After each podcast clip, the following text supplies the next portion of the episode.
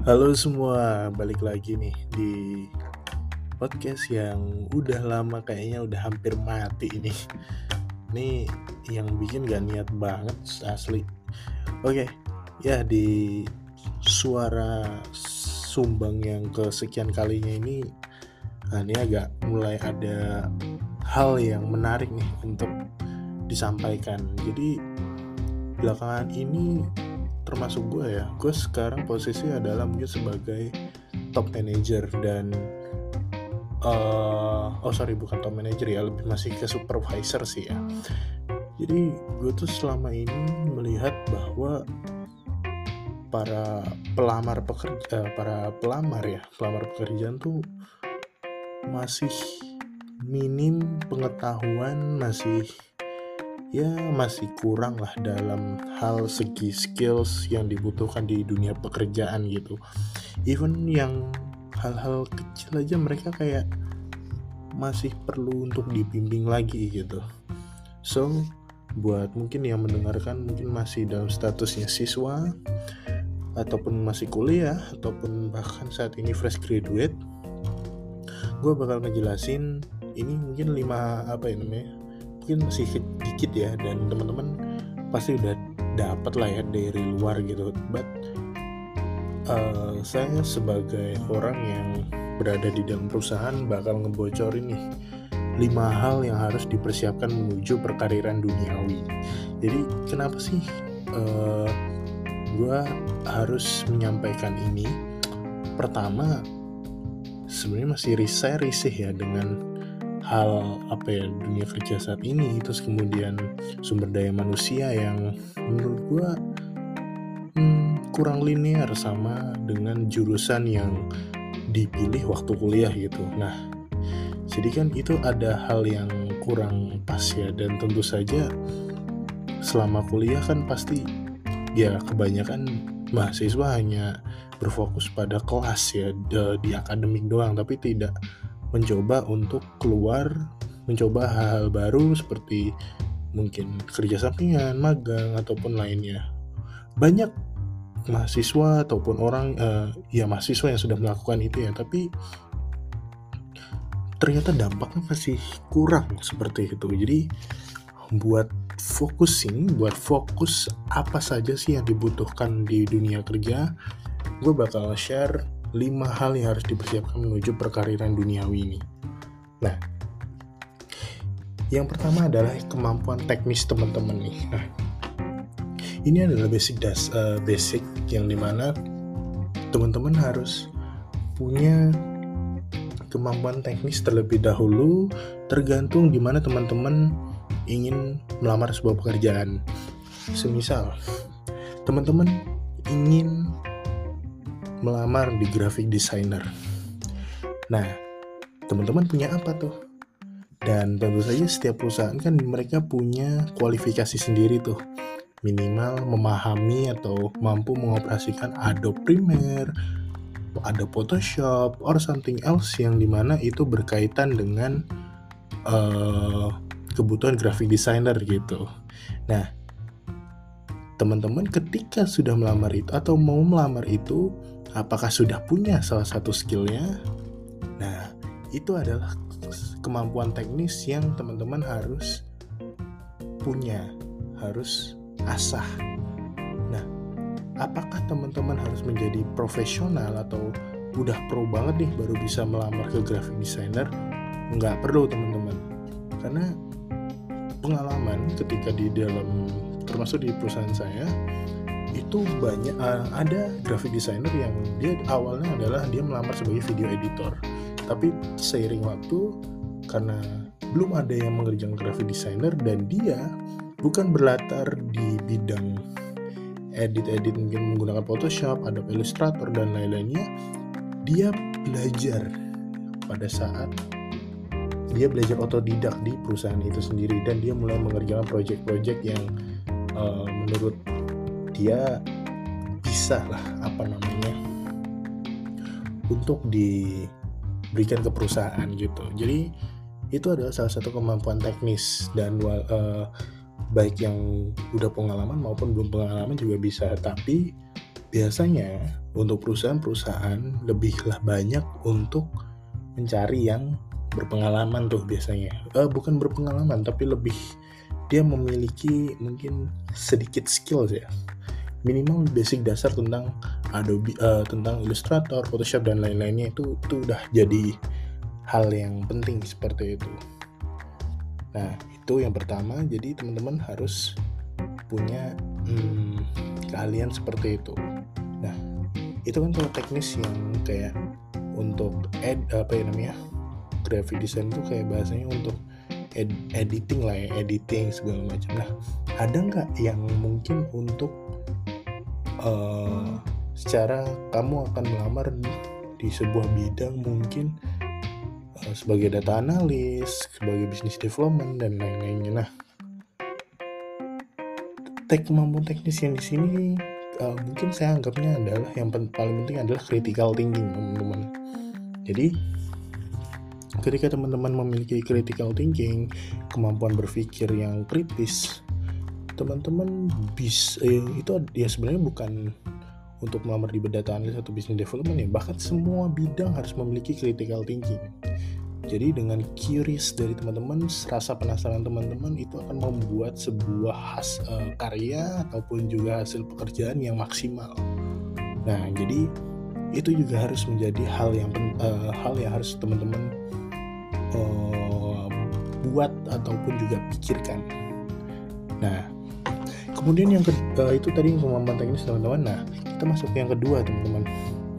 Yang kedua adalah kemampuan komunikasi Nah, kemampuan komunikasi di sini gue ngambil dari uh, perspektif dari cara berbicara, terus kemudian cara menulis dengan yang cara kemampuan berbicara yang dan menulisnya adalah yang jelas ya teman-teman ya dan efektif tentunya. Jadi penting banget memiliki kemampuan komunikasi. Misal uh, apa namanya? teman-teman mungkin melamar di public relation ya dan uh, ya di public relation MC atau voice over dan lain-lainnya ya kemampuan komunikasi wajib dong seperti itu. Nah, salah satu hal yang bisa teman-teman uh, apa ya namanya meningkatkan kemampuan komunikasi adalah teman-teman bisa mungkin melatihan public speaking atau teman-teman bisa hmm, membiasakan diri berbicara di depan cermin seperti itu layaknya sebuah MC atau sebuah uh, apa ya namanya content creator gitu. Teman-teman ngomong aja kayak gitu di uh, depan kaca atau podcast kayak gini. Nah ini, ini salah satu membuild atau mengembangkan kemampuan komunikasi kita jadi teman-teman bisa uh, meningkatkan kemampuan komunikasi teman-teman ini di beda uh, di digital maupun di skill-skill lainnya yang berkaitan dengan komunikasi seperti itu dan ketika pun nanti teman-teman diadakan apa ya namanya mengikuti meeting, rapat, presentasi. Nah, komunikasi kan perlu ya teman-teman ya. Kalau teman-teman memiliki komunikasi yang jelek, dah kalau presentasi komunikasi yang jelek itu akan membuat audiens bosen ataupun klien bosen nih perusahaannya bagus tapi presentasinya gini ya nah jadi itu bakal menjadi bumerang untuk kita pertama, terus kemudian untuk perusahaan. Jadi perusahaan yang awalnya ingin bekerja sama dengan perusahaan kita malah nggak tertarik tuh. Nah itu. Nah kemudian juga untuk komunikasi sesama rekan, kita nggak mau dong uh, kerjaan kita yang kita oper ke, ke tim kita tiba-tiba nggak sesuai nih briefnya, nggak sesuai dengan apa yang kita mau. Nah, itu adalah salah satu uh, itu kan jadi lack of communication, jadinya cacatnya komunikasi. Jadi kita harus meminimalisir hal seperti itu. Dan apalagi ketika kita berkomunikasi dengan atasan. Nah, biasanya kalau kita salah ngomong, biasanya atasan salah nangkep tuh. Salah nangkep terus bisa jadi bumerang untuk tim kita, bisa jadi bumerang untuk kita juga. Nah, jadi hati-hati teman-teman ketika mungkin uh, apa ya mau berkomunikasi bersama uh, atasan ataupun juga tim ataupun juga klien seperti itu ya. Nah, kemudian ada adaptabilitas atau adapta adaptif ya saya mungkin menyebutnya gitu adaptif ini adalah kamu mampu bekerja ataupun juga kamu orang yang apa ya cepat untuk beradaptasi dengan pekerjaan yang kamu punya ataupun perusahaan lingkungan perusahaan yang ada gitu. Semisal kamu dulu mungkin di kuliah kamu orangnya malas, uh, terus cuman kuliah pulang kayak gitu kan. Nah terus tiba-tiba di, di perusahaan atau dunia kerja kamu dituntut untuk kerja terus kemudian kamu ikut meeting ke sana kemari dan lain-lainnya. Dan ya waktumu kuliah dengan waktu kerja tentu saja berbeda dong. Nah jadi di situlah eh, teman-teman harus adaptasi di situ. Adaptabilitas. Nah kemudian ada jaringan profesional nih. Nah jaringan profesional jaringan profesional jaringan profesional ini uh, gini. Gue anggapnya lebih ke networking ya teman-teman. Nah kalau networking ya nah kalau profesional nih agak susah nih ngomongnya. Oke kalau networking jadi teman-teman bisa membuild ketika teman-teman bekerja menjadi profesional biasanya akan ada orang-orang yang menurut kita is a, is a star ya buat kita terus ataupun juga orang ini menjadi public figure di suatu organisasi. Nah, kita bisa tuh buat networking, buat jaringan bersama beliau dan ketika nanti uh, mungkin kita mau adain project atau apa dan lain-lainnya, nah kita bisa ngadain projectnya bareng nih dengan profesional uh, si profesional ini tadi, si ahlinya lah seperti itu. Dan teman-teman juga harus mengembangkan jaringan uh, networking ini bukan hanya di wilayah ranah kantoran ya, tapi di ranah semua, maksudnya di baik di lingkungan sekitar maupun juga di uh, domestik maupun non domestik di luar negeri seperti itu. Nah itu penting banget teman-teman. nah terakhir adalah keahlian bisnis. Hmm, keahlian bisnis ini mungkin kalau kalian bisnis saya menganggapnya adalah soft skill awal ketika teman-teman menjadi pebisnis. Yang pertama, manajemen waktu. Manajemen waktu itu penting teman-teman. Jadi ketika teman-teman tidak memiliki manajemen waktu, teman-teman nggak bisa mengatur pola kerja teman-teman, bakal babak belur. Dan di, di istilah apa ya orang-orang bekerja tuh ada namanya burnout burnout itu terjadi ketika teman-teman tidak mampu memanage pekerjaan teman-teman dan juga waktu teman-teman untuk bekerja dan itu bahaya dan teman-teman juga nantinya tidak dihadapkan dengan dalam sehari teman-teman tuh tidak diharapkan dengan bekerja tapi teman-teman juga dihadapkan dengan waktu family time, waktu resting ataupun waktu-waktu lainnya yang uh, itu harus dibagi juga gitu. Jadi itu adalah level uh, manajemen waktu. Terus kemudian perencanaan keuangan. Nah kadang termasuk saya ketika kita dapat gaji gitu kan nah biasanya kita langsung dia, uh, kena hasut tuh ya. Wah aku pengen beli ini ah aku pengen beli itu ah pengen beli sepatu tas dan lain-lainnya gitu. Nah itu adalah hal yang agak kacau ya dalam uh, dalam keuangan gitu. Jadi teman-teman harus punya plan keuangan sendiri. Jadi ketika dapat gaji uangnya bisa disisihin mungkin untuk investasi segini untuk ke kasih ke orang tua segini bahkan untuk jajan segini makan dan lain-lainnya. Nah teman-teman harus belajar untuk memanage keuangan itu sendiri. Dan terakhir adalah negosiasi. Nah skill negosiasi ini honestly teman-teman ya uh, semua jurusan semua fakultas kuliah tuh pasti memiliki namanya negosiasi dan ini udah kayak jadi hukum alam ya. Jadi negosiasi ini adalah bagian dari hmm, cara teman-teman untuk uh, menggolskan atau mendilkan suatu proyek mungkin ataupun juga suatu apa ya namanya ya suatu proyek ya saya anggap ya.